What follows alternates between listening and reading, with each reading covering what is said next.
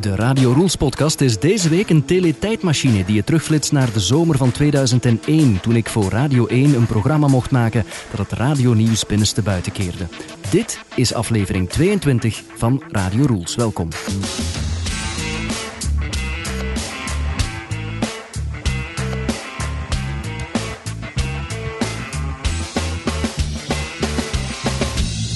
Ik heb het al talloze keren gezegd, ik ben een radiomens en een audiofreak. En doorheen de jaren heb ik een redelijk uitgebreid archief opgebouwd. Niet alleen van de dingen die ik zelf ooit voor radio heb gedaan, maar ook van vele andere programma's. Uh, interviews heb ik vaak opgenomen, uh, allerhande opnames, uh, te pas en te onpas, nieuwsuitzendingen en eigenlijk alles wat zich op band liet vastleggen. En dan bedoel ik ook letterlijk op band, want het meeste van die dingen is al redelijk oud en werd destijds op van die echte ouderwetse cassettes opgenomen. Nu, net voor ik naar Canada vertrok, heb ik zowat alles in mijn archief gedigitaliseerd. Dus van cassettes op harde schijf gezet, als het ware. Dat heeft me maanden gekost, maanden werk. Maar het was wel de moeite, want nu heb ik dus een schat aan oude radiofragmenten en geluidsopnames op schijf staan. En een van mijn favoriete dingen om uh, FC de kampioenen gewijs te blijven herbeluisteren is een programma dat ik in 2001 voor Radio 1 kon maken. Dat heette Dat was het nieuws, met als ondertitel De wondere wereld van het radionieuws. Dat was een programma dat ik samen met radiocollega Stijn Verkruisen, nu ondertussen tv-verslaggever, uh, gemaakt heb. En we kregen eigenlijk behoorlijk veel ruimte en krediet om een leuk zaterdagnamiddagprogramma te maken tijdens de zomermaanden. Dat was onze opdracht. En het uitgangspunt dat we toen hadden was om het radionieuws te doorgronden. Hoe werkt het radionieuws? Wie zijn de mensen en de stemmen daarachter? Wat zijn de leuke anekdotes en uh, hoe kunnen we daar een leuk verhaal van maken? En in vijf afleveringen gingen Stijn Verkruisen en ikzelf dus praten met vijf essentiële figuren zeg maar, uit het radionieuws. Uh, de nieuwslezer, de nachtjournalist, de sportverslaggever, de hoofdredacteur en de politieke verslaggever. Dus die speelfiguren zeg maar, van het radionieuws die kwamen bij ons over de vloer. Dat waren luchtige, informatieve gesprekken eigenlijk, maar de bedoeling was toch ook om er echt iets uh, grappig van te maken, om ook eens te kunnen lachen. En je moet weten, ons audiosysteem in die tijd op de redactie, en nu waarschijnlijk nog steeds, uh, zat en zit vol met hilarische uh, fragmenten, hilarische dingen. Uh, leuke versprekingen, lachbuien, uh, bloopers, grappige anekdotes, die we vaak op de redactie onder elkaar uitwisselen en waar we smakelijk mee kunnen lachen, maar waar we voor de rest eigenlijk geen blijf mee weten. En dat was het nieuws, was dus bedoeld om dat ludieke kantje, om die uh, kleine weetjes en bloopers zeg maar, van de radioredactie toch ook wat in de kijker te zetten. Enfin, dat was het opzet, dat was het programma dat we toen in ons hoofd hadden en mochten uitwerken. Um, de trailer van dat allereerste programma, om dat allereerste programma te promoten, dat klonk zo. Hallo, horen jullie mij? Jazeker, Karel. Dan kunnen we beginnen. Geloof het of niet, maar ik heb dus nog nooit, maar dan ook nog nooit eraan moeten denken terwijl ik op de motor zit, ik moet plassen nu. En dan de eerste beklimming waar Merk Wout, maar Merk Wout, maar waar Merk, Mark Wouters. Hij heeft van tijd pinijsjes in tak, in een zak en die strooide hem uit. Lekker band voor Johan Museeuw. De Tour is de Tour niet. Maar is de Tour de Tour nog nu? Dat was het nieuws. Nu zaterdag van 1 tot 2 op Radio 1. Ja, dat zijn leuke herinneringen aan de allereerste Dat Was Het Nieuws destijds. Het is ondertussen meer dan tien jaar geleden en ik kijk echt met heel veel plezier terug op die reeks van vijf afleveringen. Um, ik presenteerde op dat ogenblik nog Voor de Dag. Dat was de voorloper van de ochtend op Radio 1, het legendarische Voor de Dag. En die zomerreeks was toen op dat ogenblik een erg leuke afwisseling van dat toch redelijk droge programma uh, voor de dag en de dingen die ik toen journalistiek deed. Ik zal niet zeggen dat we echt volledig carte blanche kregen, maar we kregen toch behoorlijk veel ruimte om ons eigen ding te doen en om er iets uh, leuk van te maken. Het waren zeer intense weken, herinner ik me nog. Het was hard werken. Um, intensieve, intensieve uh, lange dagen en ook lange nachten soms, want we namen dat echt uh, op de deadline op op vrijdagavond om op zaterdag uh, namiddag op antenne te gaan. Dus er kwam veel nachtelijk knipwerk bij kijken, maar het was fijn, heel fijn om eens iets anders te doen, om eens een humoristisch programma te mogen maken, los van wat ik dan um, doorheen het jaar deed met Voor de Dag eigenlijk. Er was maar één groot probleem. Het werd destijds uitgezonden in augustus en op zaterdagnamiddag. Met andere woorden, geen kat heeft geluisterd. En dat is jammer, want we hebben daar toen veel tijd en energie in gestoken en ik vond het een heel leuk programma. En daarom wil ik, dat was het nieuws, nu via de podcast een tweede leven geven. De heruitzendingen, zeg maar, van vijf weken lang, dat was het nieuws. Dat krijg je de volgende uh, weken op je bord hier. Ik ga de muziek ertussen uitgooien om geen miserie met Sabam te krijgen. De rest blijft echter wel behouden. Om de twee weken laten we een aflevering horen. En wie het maar niks vindt, die weet dus dat hij om de twee weken gewoon een podcast kan overslaan en uh, dan de volgende keer maar gewoon moet luisteren. Nog even deze randopmerking. Vergeet niet dat wat je hoort ondertussen 13 jaar oud is. Dus sommige referenties en sommige inhoud is vreselijk gedateerd of is vreselijk achterhaald. Maar de verhalen, de anekdotes en de versprekingen bijvoorbeeld, of de lachbuien die we zullen laten horen, die blijven geweldig uh, leuk om nog eens terug te horen. Vandaag dus aflevering 1 van Dat Was Het Nieuws met sportverslaggever Karel Bertelen. Dat was destijds onze eerste gast. En de reden waarom Karel als eerste de gast was, um, was omdat het um, programma meteen startte na Radio Tour, de week na Radio Tour. Het was dus een mooie link met die drie weken ronde van Frankrijk. Maar er was ook, en vooral eigenlijk een praktische reden. Karel Bertelen vertrok op vakantie voor een maand, enkele dagen nadat de Tour um, gestopt was. En dus was het toen of nooit moesten we dat programma en hem als eerste gast eigenlijk toen inblikken. Of anders was hij voor een maand vertrokken en zou het te laat zijn. Let ook vooral op onze geweldige begintune, ingelezen door toen nog nieuwslezer Johan Janssens, ondertussen op pensioen. Uh, de man bekend voor zijn Dat was het nieuws. De titel was ook een beetje een knipoog naar dat radio-icoon, naar Johan Jansen. Dat was het nieuws. Revisited aflevering 1 hoor je deze week in de Radio Rules podcast. Dat was het nieuws.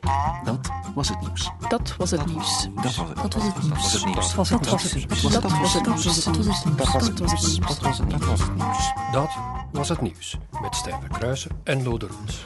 Goedemiddag en welkom bij Dat Was Het Nieuws, een programma dat het radionieuws binnenste buiten keert en u een blik achter de schermen gunt. We leggen de verborgen wereld achter het radionieuws bloot. Vijf weken lang reizen we samen met u door Nieuwsland met één doel voor ogen, het wetenschappelijk doorgronden van het radionieuws. En om dat doel te bereiken doen we elke week een beroep op iemand die het kan weten.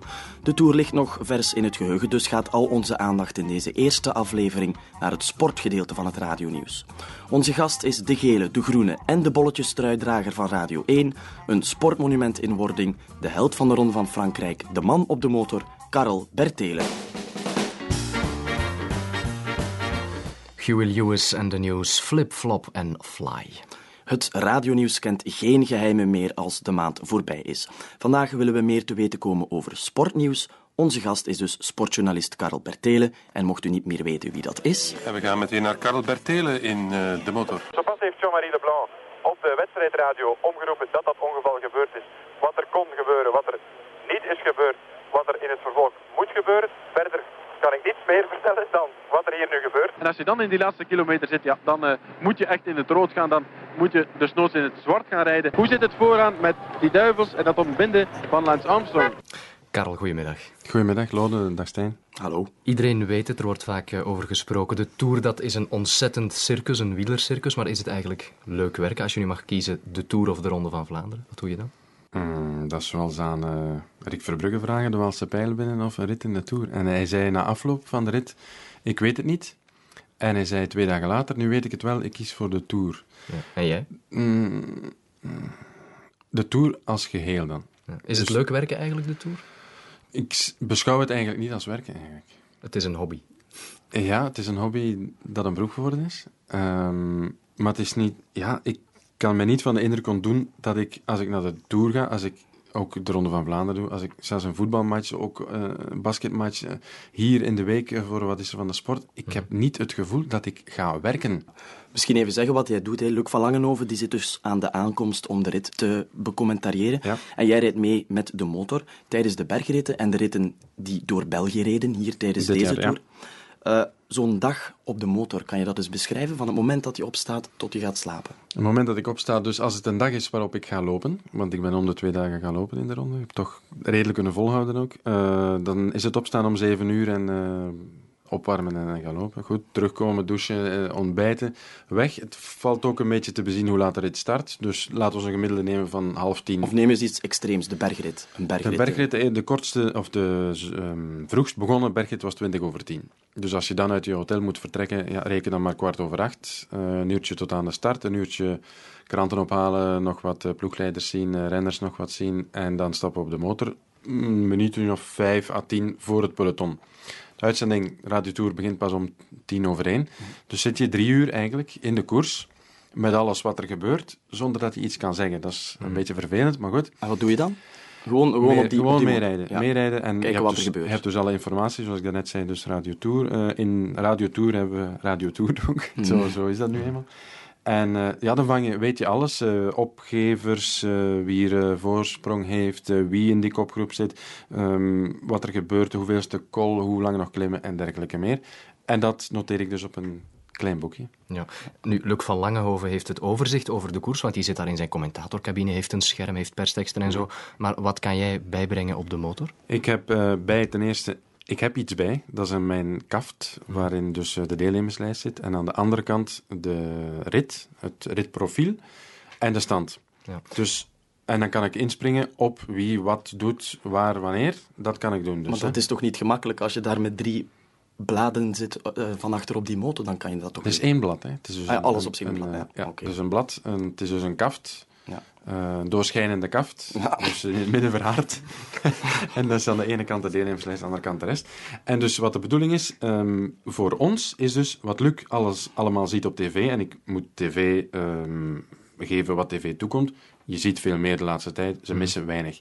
Wat ze niet hebben, is wat er achteraan gebeurt in de bergritten. En daarom beginnen wij altijd de uitzending, zorg ik altijd dat ik zo rond tien over één achteraan zit in het peloton. Ja. Zijn er al mannen die hebben moeten opgeven? Zijn er al mannen die in problemen zijn? Ehm, hoe zijn de omstandigheden daar? Dit, dat. En zo schuiven we stilaan Ja. En komen we in de buurt van de camera's. En we proberen zoveel mogelijk buiten het oog van de camera te werken met de motor. Nu, jij zit met je motor in het midden van die, van die heksenketel tussen de renners en dan op zoek gaan naar één renner, Karel, dat moet niet gemakkelijk zijn. Bijvoorbeeld op zoek naar de gele trui Mark Wouters. Waar is Mark Wouters nu? Waar is de gele trui inderdaad? Nu al 10 seconden voorbij hier. Wachtend op de gele trui. En waar zit Mark Wouters? Even de tijd opnemen. Wat is er met Mark Wouters gebeurd? Is dat de emotie? Misschien inderdaad te veel champagne? Wat is het allemaal? Probeer het maar te verklaren. Waar ben jij, Karel, op de motor? Heb je Mark Wouters al gevonden? Mark Wouters is nog altijd niet gevonden. En van zodra dat het geval is, eh, melden we dat. Hoe is dit mogelijk? Dit kan niet. Wij moeten Mark Wouters dan toch gemist hebben. In dit groepje zat hij niet. Ik hoor een oproep van onze man op de motor, Karel. Dit is het groepje waarin de gele trui is geraakt. En hier rijdt Mark in het gezelschap nog van twee ploegmaats. En uiteindelijk dus gevonden. Zeg, Karel, jij zit dus die hele dag op de motor. Wanneer eet je eigenlijk? Van s Eh, morgens tot s avonds zit je op die motor. Als we dus onze rit behouden zoals eh, die Ja. van dit jaar 20 over 10 start, dan eh, rijden we dus een beetje voor het peloton. Eens alle informatie er is, rijden we een stukje door tegen 80, 90 per uur. Goed, de wegen zijn open bij een bergrit, dus je kan overal langs. En dan zorgen we dat we zo rond kwart over 12, half 1 ergens stoppen. Eten we een sandwich en eh, drinken we een kopje koffie. En de laatste keer plassen, neem ik aan. Voor we op de motor stappen, laatste keer plassen. En geloof het of niet, maar ik heb dus nog nooit, maar dan ook nog nooit eraan moeten denken terwijl ik op de motor zit, ik moet plassen nu. Hè. Ja. Dus je zit zo in het heet van de strijd, ik denk daar gewoon niet aan. Ik krijg ook geen honger op de motor. Hè. Ja, maar we zitten nu eigenlijk nog maar aan, aan dat motorgedeelte. Ehm, als je aankomt, doe je de interviews, Mhm. inderdaad. Maar na de interviews, alles is gedaan, alles is doorgestuurd, alles is hier opgenomen en uitgezonden. Is je dag dan voorbij? Je Nee. werkdag bedoel ik? Mm, De werkdag is voorbij dan. Ja. Dan eh, valt het eventjes stil, eh, kun je nog iets drinken, even napraten met eh, Luc, met de technici, ehm, met eventueel iemand anders, collega van tv die we nog soms zien. Wordt er zo wat afgedronken s'avonds tussen de journalisten en de Nee. technici? Gewoon. Je kan eigenlijk niet. En ik, ik, ik doe het ook niet. Gewoon, dus voor ons, eh, journalisten van de gesproken pers, is dat niet zo eenvoudig. Mannen van geschreven pers, als die zanderdags eh, een soort kader hebben of een gebroken stem, ja, zwart, ze moeten toch maar tikken. Je kan het je niet permitteren van eh, wat te drinken en, of te laat op te blijven en dergelijke meer. Dus we doen dat niet. Maar wat je even nog wil zeggen, is dus uh, na de afloop van de rit, een half uurtje relaxen, dan begint de rit naar het hotel. Hè? Want dat is niet altijd naast de deur of aan de overkant van de aankomststreep. Hè? Dus dan is het minimum genomen, ja, 50 minuten, uh, een uurtje nog richting hotel. Hè? Terug naar de motor, Karel. Hoe communiceer je eigenlijk met je motorrijder als je live op antenne bent en, en je wil vooruit? Of, of, oh, ja. Dus vooruit is, uh, probeer ik met mijn hand, mijn vlakke hand, naast zijn gezicht te komen dat hij ziet van ik wil verder. De rest is uh, tikken op de schouder, rechts is naar rechts, links is naar links. Oh. En met mijn twee benen samen tegen zijn dijen aanduwen, wil zeggen dat hij moet vertragen. Ben je ooit betrokken geweest in een valpartij? Want je rijdt daar in het midden van de renners. Nee. Bij, bij, uh... nee. Niet betrokken, wel gezien. Bijvoorbeeld net niet gezien Johan Bruneel enkele jaren geleden, toen hij de ravijn inreed. En toen reden wij daarachter, dus het was gebeurd. Maar wij zagen hem wel terug uit de ravijn uh, kruipen. En stop je en, dan? Ja, ja, ja. Dat we live kunnen meegeven ja. dat, uh, dat er niets aan de hand was. Ja. Maar valpartij zelf niet. Wel één slipper, en dat is onvermijdelijk in een van de vele Parijs-Roubaixen uh, op de modder, uh, modderige wegen, dan kan je bijna niet vermijden dat er eens een slipper is. Maar vallen niet, nee. Over dat leven op de motor hebben wij eens gepraat met de man waarmee je al een jarenlange intieme relatie hebt. Dat is je motorrijder, Jos de Wit. En hij vergelijkt je eerst met je voorganger Jan Wouters. Ik vind dat hem ook zo'n beetje de allure van Jan heeft. Nou, wat bedoelt u dan, de allure van Jan? Met, uh, als hij op de motor zit en hij is aan het praten, dan doet hij hem ook met zijn handen. Hij beschrijft de, de, de omgeving zoals uh, Jan ongeveer het tijd. Vindt u dat hij daar goed in is? Ik denk dat hij heel goed is zelfs. Tegen 100 per uur naar beneden en wij kunnen die renners gewoonweg niet volgen. In een berg af gaat het natuurlijk heel snel. Maar daar moet je mee met de coureur volgen. En wat gebeurt er als je voor een renner zit met die moto en, en ze beginnen jou in te halen? Als ik niet kan, kan voorblijven, dan stop ik onmiddellijk. Ik laat onmiddellijk de renners voorbij of de auto ook. Waar ook de wagens rond ons proberen om zo goed mogelijk het spoor van die renners te volgen, maar dat is haast onmogelijk. Af en toe piepen de banden en dat geeft dan af en toe wel eens kippenvel, maar goed, dat hoort er allemaal bij. Is Karel soms bang op de moto? Als je bang bent op de motor, dan, dan uh, gaat dat niet. Dan moet je er meer beginnen. Stop er dan maar mee. De mensen zijn echt gek. Ze doen de gekste dingen voor de wielen springen en pas op het laatste nippertje uit de weg gaan. Als ik aan het Tour denk, dan denk ik ook aan een enorme mensenmassa langs de kant van de weg die bijna in het midden van de weg staan de renner uh, aan te moedigen. Uh, heb je geen last aan om daar met de moto door te komen? Daar kun je juist met je motor tussendoor. Als je alleen rijdt, dan gaan ze juist voor je op, uit de weg. En achter u gaat het onmiddellijk terug toe. Dat je je spiegel en zegt, er kan niemand meer door. Zelfs de auto's die rijden soms met de wielen over de tenen van de mensen. De spiegel van, van, van een auto, dus geen één dan nog rechts, dat zijn allemaal binnengeslagen. Jullie rijden dus vaak ook tussen renners door en zo, naast renners. Is er dan contact, knipoogje of wordt er soms al eens iets gezegd? Ja, dat doen we altijd. Als je een Belg in een bergrit ziet lossen of je zegt, jongens, kom zie dat je, dat je bijkraakt of wat. Hè? Dat doen we altijd, want je, je zet toch Belg of niet? Ja, Karel, je zit eigenlijk op de eerste rij in de ronde van Frankrijk. Hè? Je maakt alles voor je ogen mee. Supporter je dan wel eens tijdens een rit? Ja, eigenlijk wel. Hè. Voor de Belgen dan? Maar buiten de eter. Hè.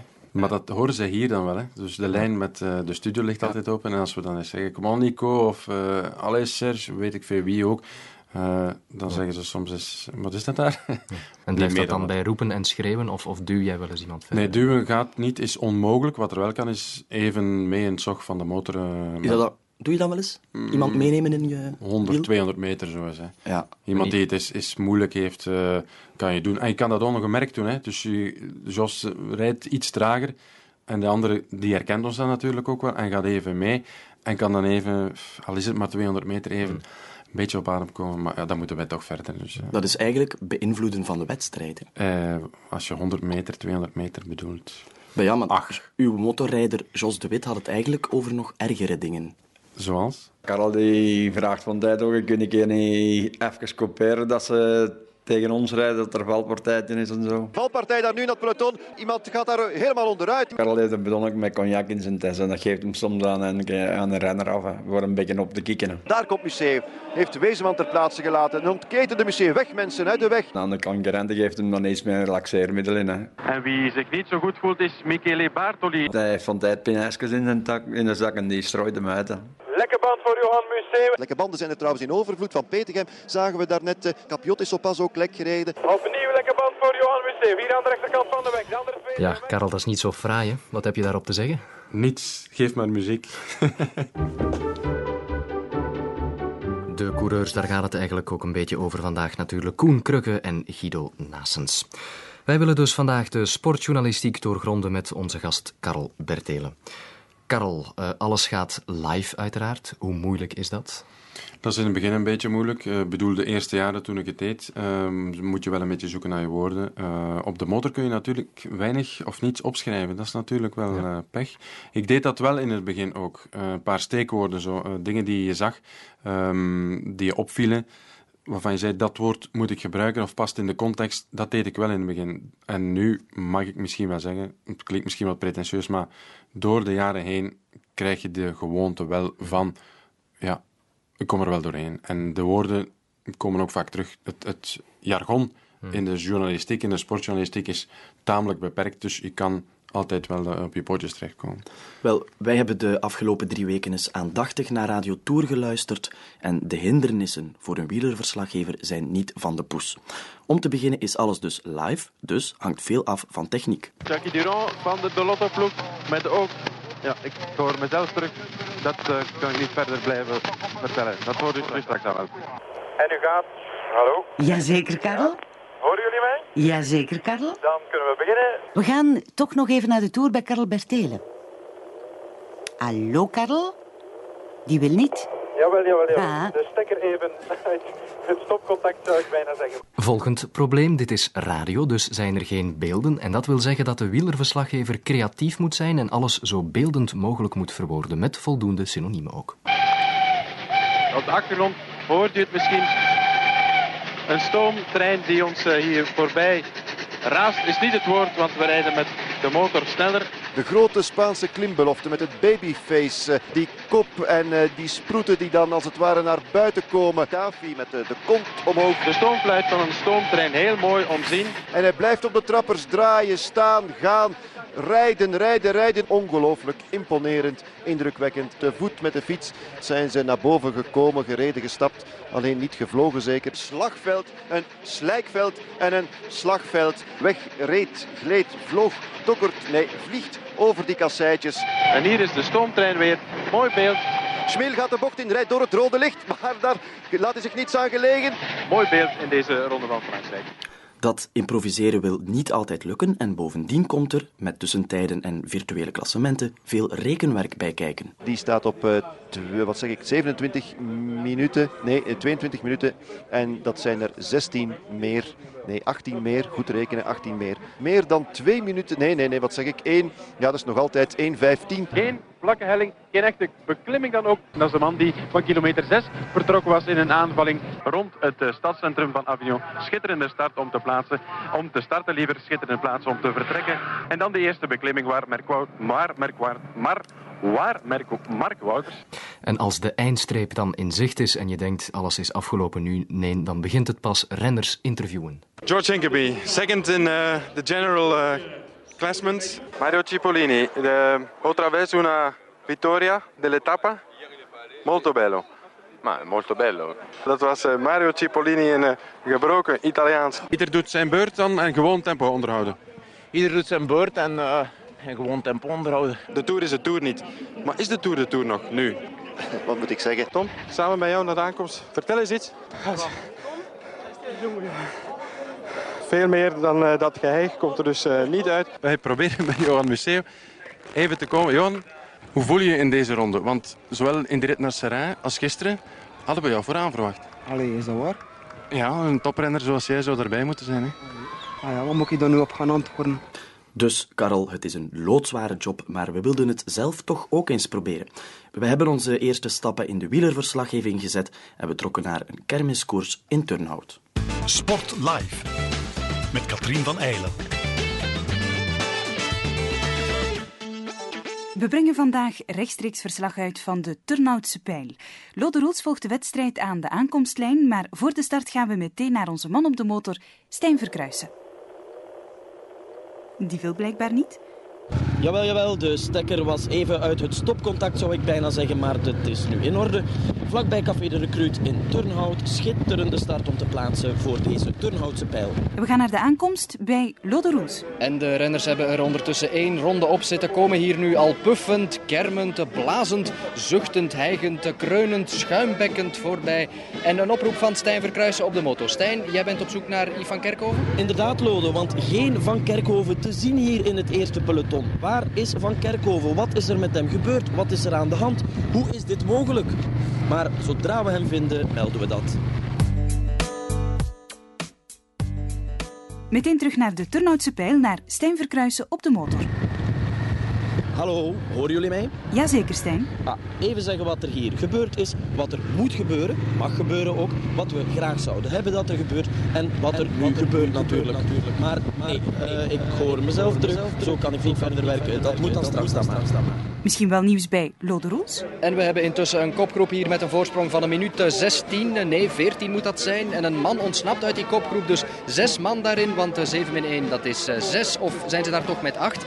Nee, zeven renners dus en één man voor die kopgroep nu op 6 seconden. Wat zeg ik, 16 seconden moet dat zijn voor de 7. Op kop dus Ronnie Verbiest, de kermisbelofte met het babyface en de sproeten die uit die kop komen. Met de kont omhoog ook hier. Oh, oh, oh, Verbiest die de forsing voert. En Stijn, heb jij Van Kerkhoven al gevonden?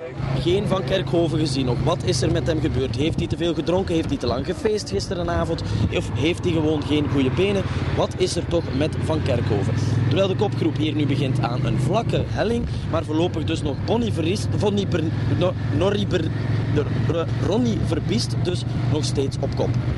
En de allerlaatste ronde. We gaan in rechte lijn naar de finish. En Verbiest die is ondertussen teruggegrepen door de kopgroep. De sprint kan nu beginnen. Sercu, Mertens en Breugelmans op één lijn. Breugelmans die schiet weg. Mertens erachterna. Sercu lijkt leeg. Mertens, Breugelmans, wie gaat het halen? En plots, daar komt Van Kerkhoven nog uit de lijn. En wel, Van Kerkhoven wint hier voor de anderen. Het is Van Kerkhoven. En Stijn Verkruijsen die staat bij de winnaar.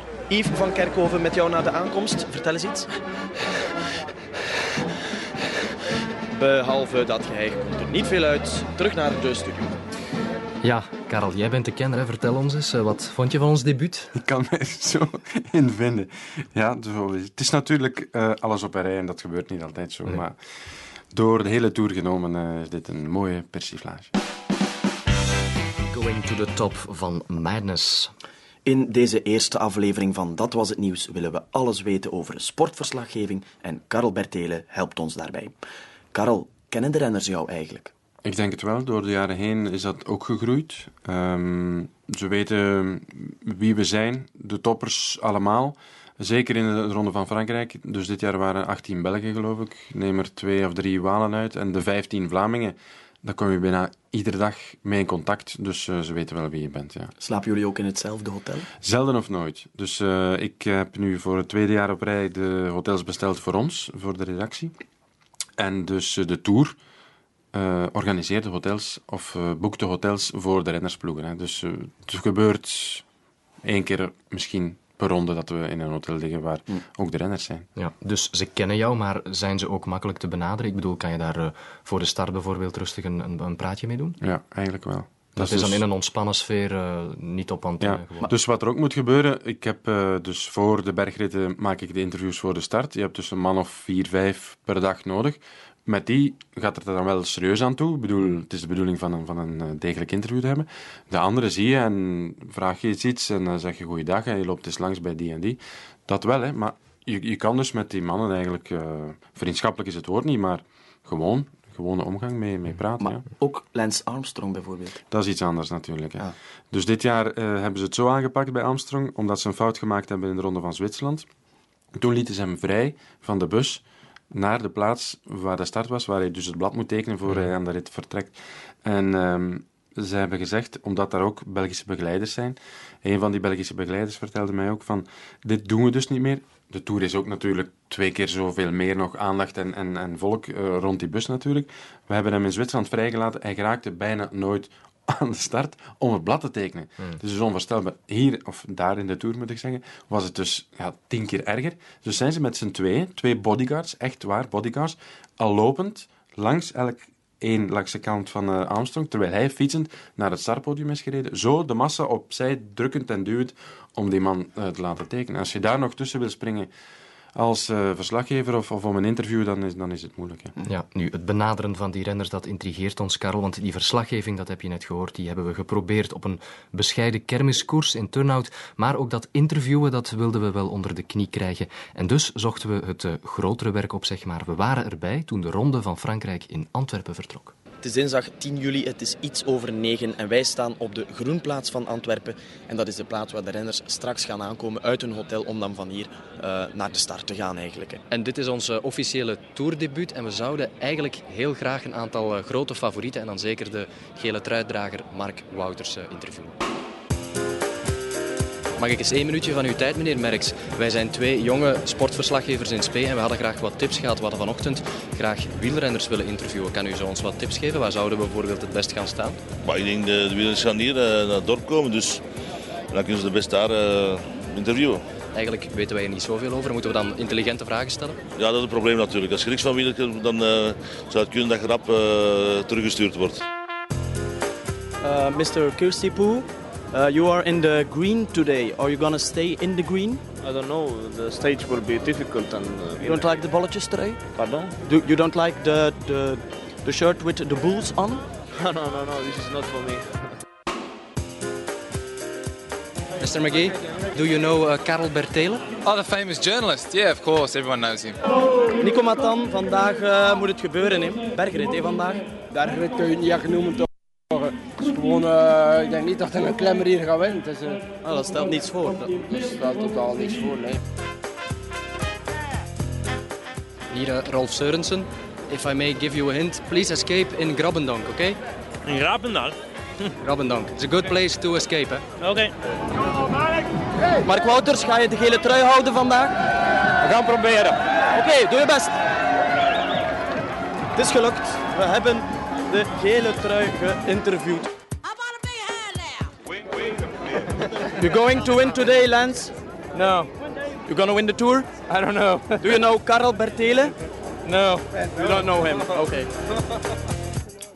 Ja, wij hadden hem wel, hè, Lance Armstrong. Dat is straf. Uh, ja. De bedoeling is wel bij ons om een interview van een minuut of drie, vier te geven. Hè, snap ja, dus, ja, ja, ja, dat, dat begrijp ik. Gewoon eens uh, je microfoon. Maar mag ik even zeggen, dus vorig jaar um, had Lance Armstrong een Belgische PR-man in de Tour. En uh, die heeft er dus wel voor gezorgd dat ik op een avond, de dag van de rustdag, naar zo'n hotel mocht gaan. En toen heb ik wel tien minuten met hem kunnen spreken, alleen.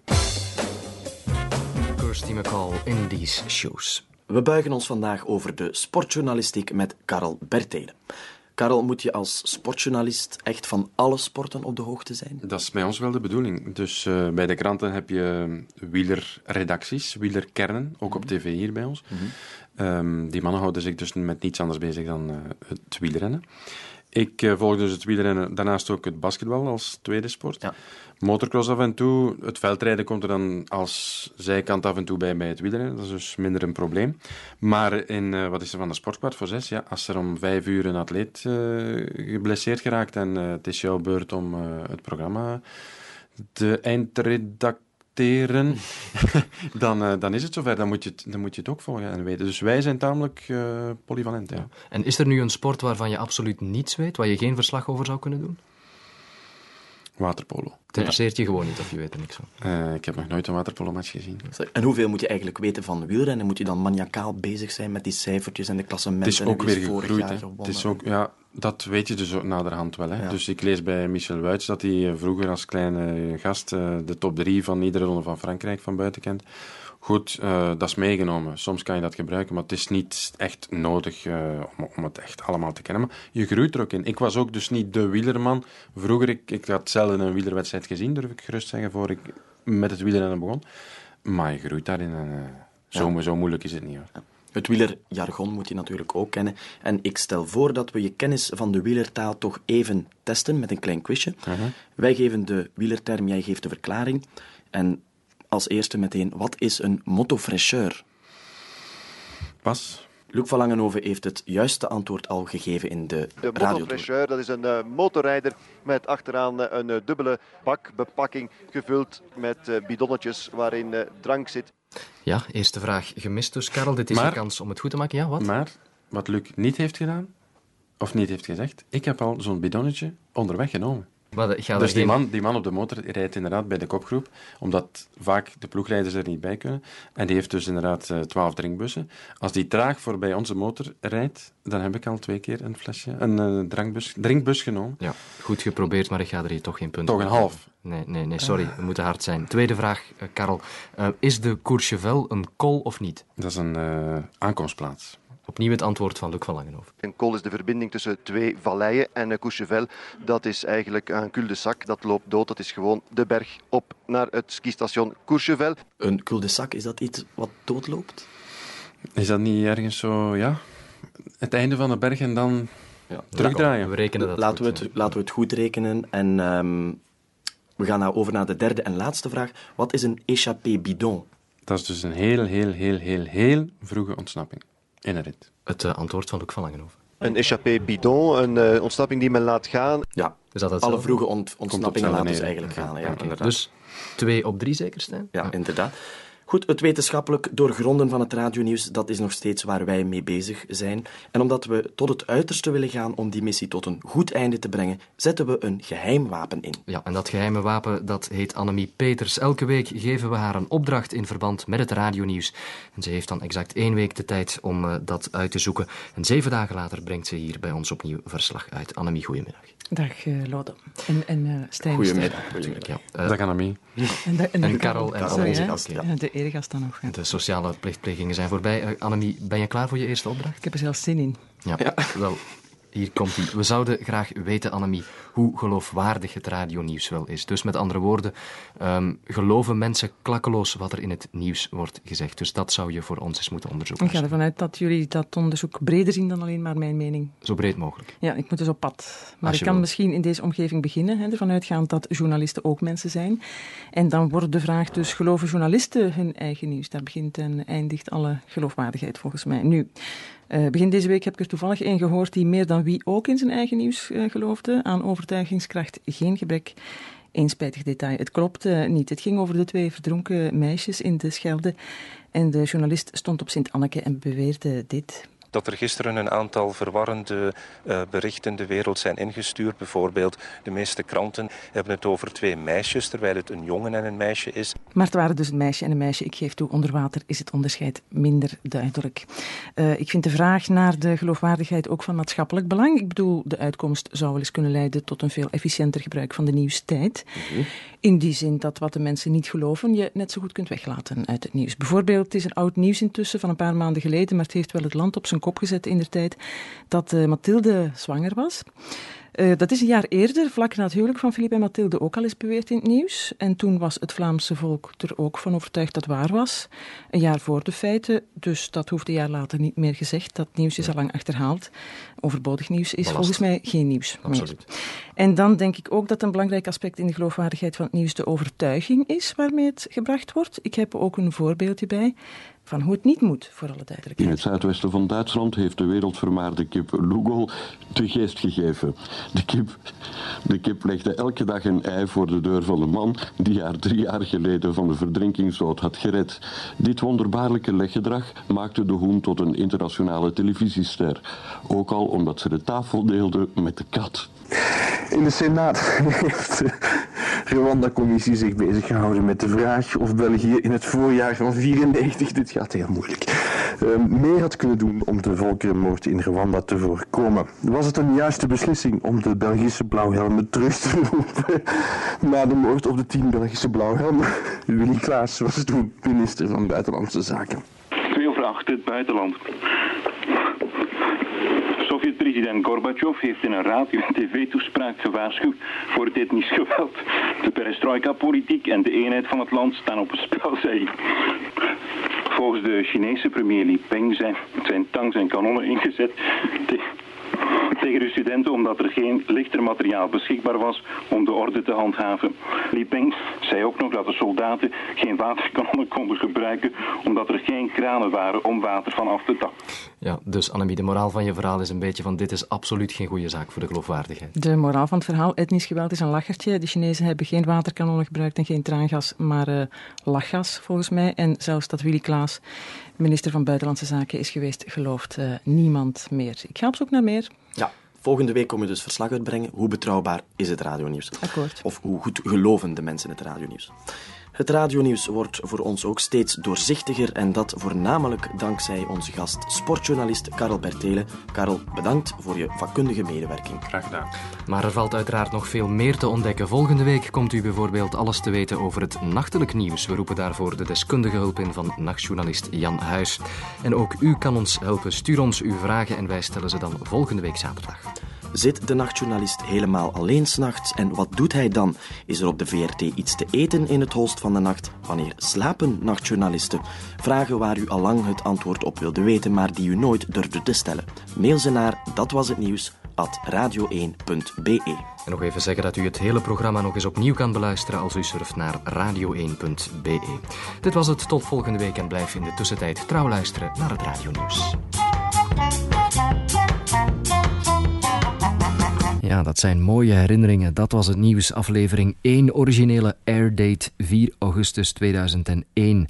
Dat is lang geleden, heel lang geleden. Over twee weken krijg je dus aflevering 2 te horen met als gast nachtjournalist Jan Huis. Dit is alvast een voorsmaakje. Als je zo een dan is er altijd een beetje waarheid bij. Ja, meneer, de konijnenfeesten hier in Heulen. En of het toch niet mogelijk zal zijn van een beetje reclame te maken op de radio voor zijn konijnenfeesten. Ik heb Jan nog nooit op een fout kunnen betrappen. Er is hier een, een periode geweest, maar dat is intussen al lang gedaan, dat er uitgebreid ge- getafeld werd s'nachts, ook tussen 2 en 3. De witte broden zijn definitief voorbij. Moet ik dat in mijn broek doen misschien? Nee, dat is geen goed idee. Dat was het nieuws. Nu zaterdag van 1 tot 2 op Radio 1. Dat was het nieuws, aflevering 2 over 14 dagen in de Radio Rules podcast. Laat in de tussentijd zeker ook eens iets van je horen. Het is altijd fijn om feedback te krijgen. Op Twitter is onze username heel eenvoudig Lode Rules in één woord. Op onze website vind je andere contactopties loderules.blogspot.be. En als wat je hoort je aanstaat, dan kan je producer worden van de Radio Rules podcast. Het enige wat je daarvoor moet doen om als producer door het leven te gaan, is een tweet te versturen. Details vind je ook op onze website en in ruil word je dan vermeld met naam, Twitternaam en website, indien gewenst in de eerstvolgende aflevering van Radio Rules. Een fijne dag nog en tot later.